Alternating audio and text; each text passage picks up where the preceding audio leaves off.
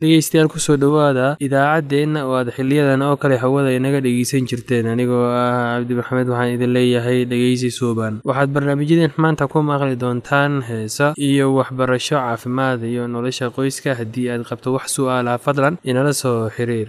Ciwaankeenna waa radio somaly at yahu dt com. Mar labaad ciwaankeenna waa radio somaly at yahu dt com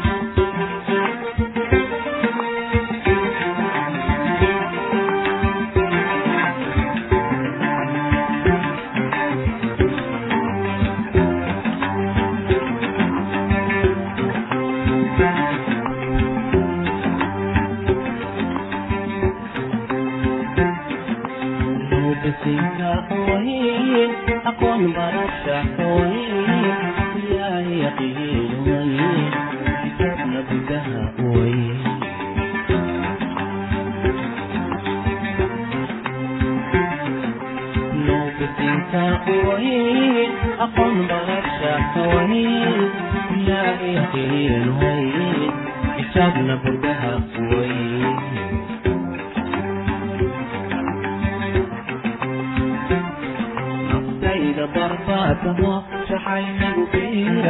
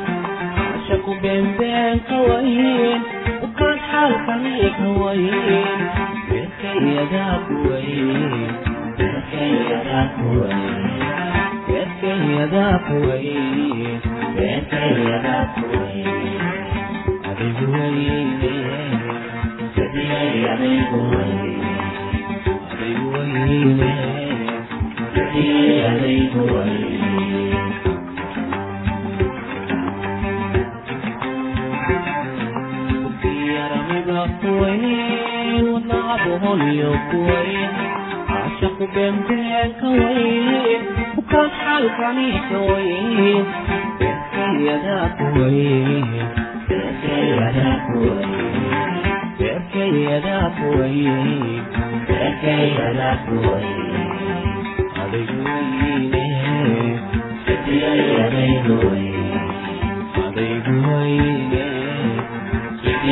adaygu weyne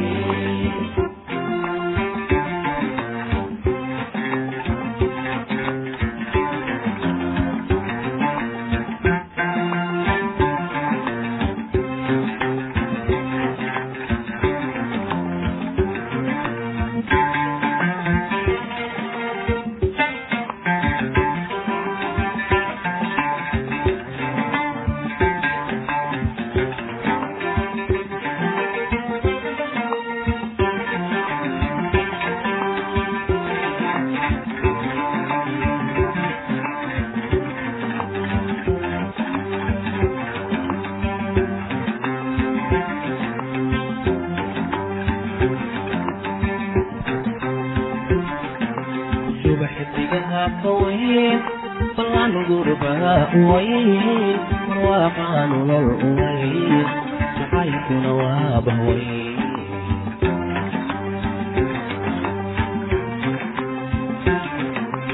ubaxidigaha kawayn bacan gurbaa way barwaaqa nolol umay jacaylkuna waa bahway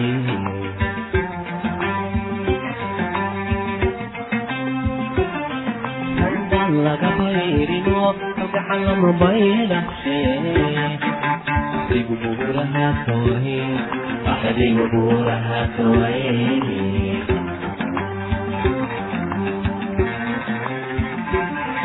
umba laga bayno gacan lama bayla adigu buuraha kawayn adigu buuraha kawayn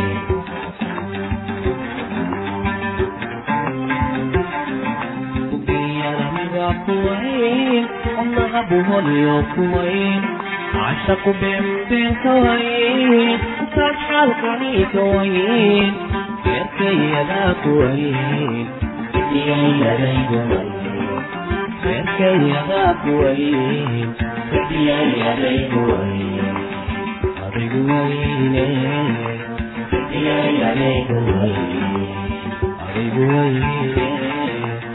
kuwayn beerkayadaa kuwayn adigu wayne adigu wayne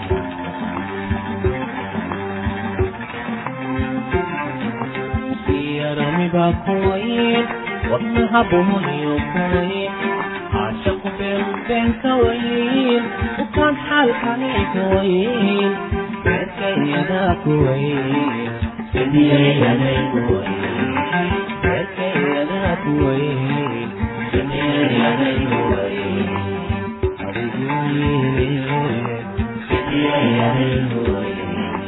adigu wayne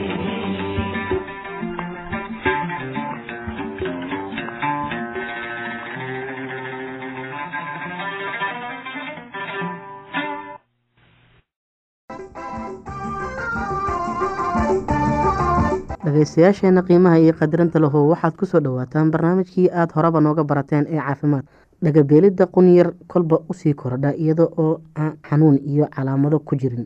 Sida qaalibka ahi lagama daweyn karo hase ahaatee maqal gargaarto ayaa laga yaabaa inay wax u tarto. Marka dhigabeelka waxaa keena bukaan dhigaha ah. Haddii qof da ah dhaga ama labada dhagood wax ka maqlayn oo marmar weheliso diididid ama maqlayo dawan ama waxyaabo kale wuxuu u dhow yahay inuu manerio cudurkiisa qabo. Waa inuu qaataa darmamiin oo iska jiifsadaa inta calaamaduhu tegayaan waa inaan milix cuntada ku darsan haddii nafaqo uu la-daan waayo ama dhibaatada ku soo noqoto. Waa in uu islamarkaa talo dhakhtarnimo doontaa hurdo la'aanta waa caadi in dadka da-da ahi ay seexdaan in ka yar in dadka ka yaryar daawooyin laga yaabo in ay hurdada keenayaan oo jira hase ahaatee waa waxa wacani in la isticmaalo iyadoo aan laga maarmooye talooyinka sidaad u seexan lahayd dhaqdhaqaaq badan maalintii samee. Ha cabbin bun ama shaah madow galabtii ama habeenkii. Cab koob caano ah oo diiran intaad seexan ka hor. Biyo diiran ku mayro intaad seexan. Haddaad seexan weydo qaado histamiin dile ama brotosamiin ama dramamiin saacad iyo badh ka hor inta aadan seexan kuwan waa lagu qamroodaa sida dawooyinka xoogga waaweyn leh.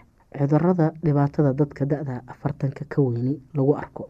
Cudurada beerka beerka oo xeedhooba wuxuu ku dhacaa sida qaalabka ay afartan jirka ka waaweyn ee sanado badan si xun wax u cunayay ee islamarkaa qamri badan cabayay calaamadaha cudurkani wuxuu u bilaabmaa sida indhaha caseeya itaal darro cunto diidid calool xanuun ama xanuun dhinac midig ee beerka u dhow.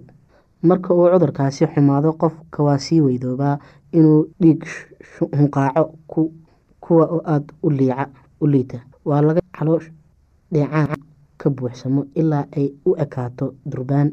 Indhaha iyo diirka waxaa laga yaabaa inay huruud u ekaadaan ama cagaarshow ku dhaco. Daweynta haddii cudurkani xanuun yahay wax daawo ah ma jiraan oo badan wax tartaa way adag tahay sida loo daaweeyo badida dadka cudurkan ee xun qabaa waxay u dhintaan haddaad dooneyso inaad noolaato. Marka ugu horeysa ee aada cudurkan isku aragto sida soo socota yeel waxaa laga yaabaa in aad iska dhaafto qamriga oo aadan dib u cabin qamriga beerka ayuu sameeyaa. Si wacan waxa u cun gargaar cuntooyinka brotiinka iyo fitamiinada ku badan yihiin.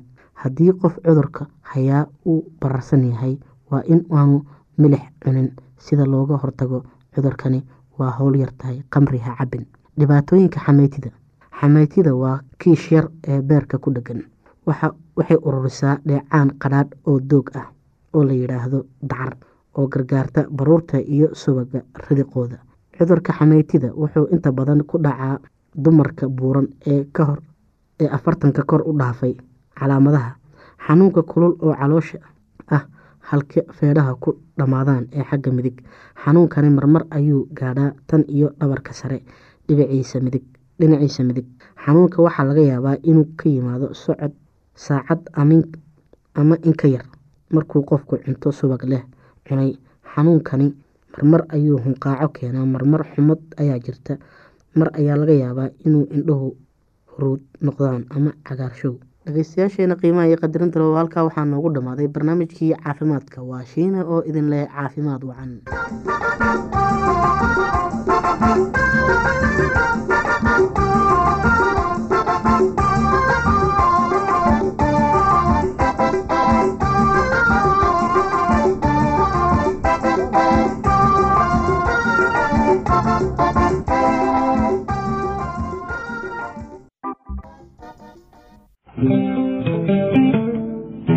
Thank you.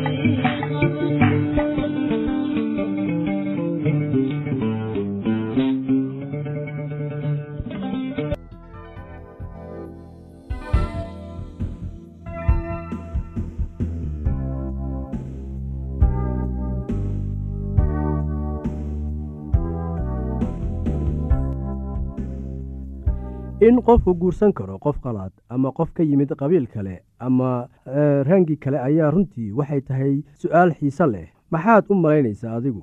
Qofku ma inuu guursadaa cid ka timid qabiil kale oo aan kiisa ahayn ama qof ka yimid waddan kale qabiil kale iyo raangi kale oo aan kiisa la mid ahayn. Waxaan uga dan leeyahay midab kale aan kiisa ahayn.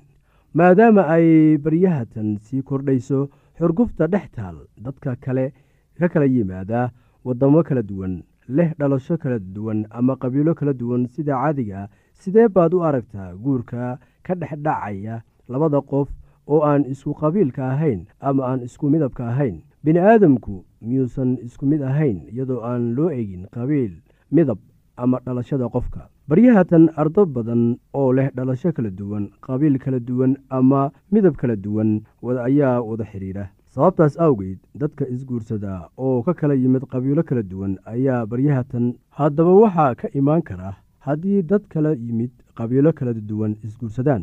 Haddii si loo fiiriyo waxay noqonaysaa in qofku jebiyey xiriirka uu dhaqanka ahaa ee reerka ilaa muddo oo uu reerkiisa jiray. Waxay sababtu uu qofku isaga ah u doortay qofka ka yimid qabiil iyo dhaqan kale oo aan kiisa ahayn. Waa maxay sababta ay u dooratay ama uu u doortay inuu ka guursado qof qalaad iyada oo ay khatar kaga imaanayso reerkeeda? Saaxiibadeeduna dacaayadeynayaan. Jawaab sahlan ayaa waxay tahay jacaylku ma lahan xuduud mana doonayo inuu ogaado midabka iyo caqiiqada qofka kale. Taasi waxaan uga dan leeyahay jacaylku marnaba ma eego wax ku saabsan xagga midabka iyo caqiidada qofka kale. Laakiin xitaa waxaa jiri kara waxyaalo kale oo uu horseeday go'aankan kama dambaysta ah. Waxaa laga yaabaa in labada qof ee isguursanaya ay yihiin dad mutacalimiin ah oo aaminsan fikradooyin kala duwan doonayana inay waajahaan wax kasta oo bulshadooda kaga imaan kara si ay u bandhigaan xornimada iyo fikradaha ay aaminsan yihiin. Ama ma loo malaynayo inay ka hor imaanayaan waalidiintooda saaxiibadooda diintooda dhaqankooda iyo xeerka u degan bulshada. Dhibaatada ugu weyn ee haysata dadka isguursada ee ka kala yimid qabiilada kala duwan ayaa waxay tahay dhibka kaga imaanaya reerkooda iyo saaxiibadooda. Kaba soo qaad in gabar soomaali ah ay jeclaatay wiil kikuuyo ah oo u dhashay waddanka kenya. Waxaad maxaad u malaynay inay reerkooda kaga jawaabayaan gabadhu xitaa maadaama ay jeceshahay wiilka haddana waxay la kulmaysaa aflagaado qursi iyo farku-fiiqid iyadoo oo la leeyahay tii kikuuyada guursatay waa taa. Marka haddii labada qof isjecel yihiin isku fikrad yihiin oo ay is-aaminsan yihiin waxba kuma dhisna qabiilada ay ka kala yimaadeen. Bini aadamku waa isku mid oo ilaah ayaa wada abuuray umana bannaana in qofku guursado abuurka ilaah marka labadan qof isguursadaan ayaa waxay soo bixi karaa arrin kale oo foolxun oo ku salaysan kala duwanaanshaha dhaqankooda bulshadooda iyo heerka waxbarasho ay ka kala gaarsiisan yihiin. Waxaa laga yaabaa in mid waxa u muhiim uu haysto kan kale uusan sidaaba u qadarin. Labada qof ee isguursanaya waa inay si dhab ah oo taxadar leh u falanqeeyaan kala duwanaanshaha dhaqankooda intii aanay isguursan guurka ka dhex dhacaa dadka kala yimid qabiilo kala duwan miyuu waaraa dhibaatada guurkaasi ma weyn yahay mise way yar tahay? Waa sidee heerka hor u kaca iyo faraxa guurkaasi? Xitaa aala guurka ka dhex dhaca labada qof ee isku qabiilka ah ayaa keeni kara wakhti adag. Haddaba maxaad u malaynaysaa guurarka kale ee ka dhex dhaca dad aan isku qabiil iyo isku af ahayn? Xaaladdu way ka sii daran tahay qabiilka iyo bulshada uu qofku ka yimid ayaa waxay saameyn ku yeelanaysaa sida uu qofku u dhaqmo oo u fikiro iyo qaabka uu u noolaan doono mustaqbalka. Sida loo soo barbaariyey marka ay carruurta ahaayeen ayaa kala duwan waxaa kaloo iyana kala duwan cayaaraha ay yaqaaniin luuqadda iyo habka loo hadlo. Haddii aan soo gebagabeeyo hadalka wax waliba way ku kala duwan yihiin. Haddii aynu eegno xagga waddanka ameerika guurka ka dhex dhaca dadka kala duwan ayaa waxa uu keenaa dhibaato waxaa loo arkaa inuu yahay guur ka dhex dhacay qof madow ah iyo qof caddaan ah. Haddii madow iyo caddaan isguursadaan reerka madowga ayaa guurka soo dhoweynaya marka la barbar dhigo reerka caddaanka ah. Madowga iyo caddaanka isguursaday ayaa waxay sahal u arkaan inay ku noolaadaan meesha madowgu degto. Tanna waxay u horseeday inay xiriir soke la yeeshtaan reerka madowga ee uu ka dhashay ninka runtii waxay u muuqanaysaa inay hal meel u qulqulayaan oo labada isqabtaa waxay yeelanayaan saaxiibo badan oo madow ah marka loo fiiriyo caddaanka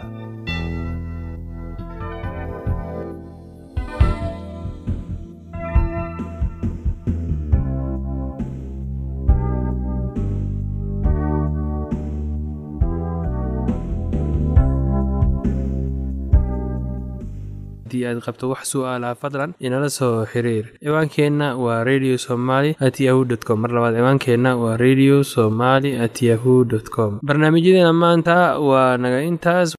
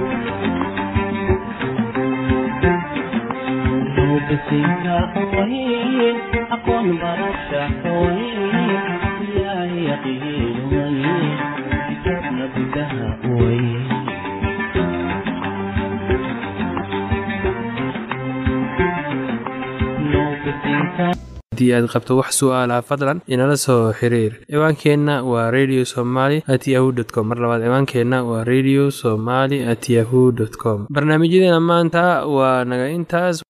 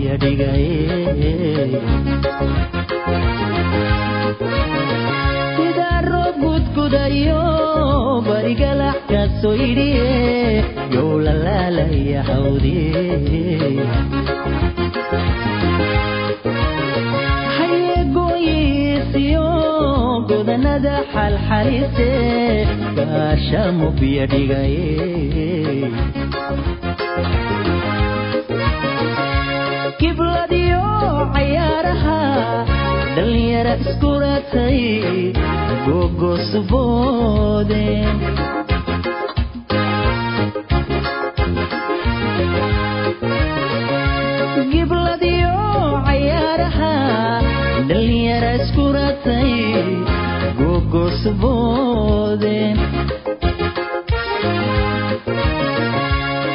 anna waxaan guyaal badan intaa gaaf wareegaba adan adan adan ku goleeqay anna waxaan guyaal badan intaa gaaf wareegaba adan adan adan ku goleehay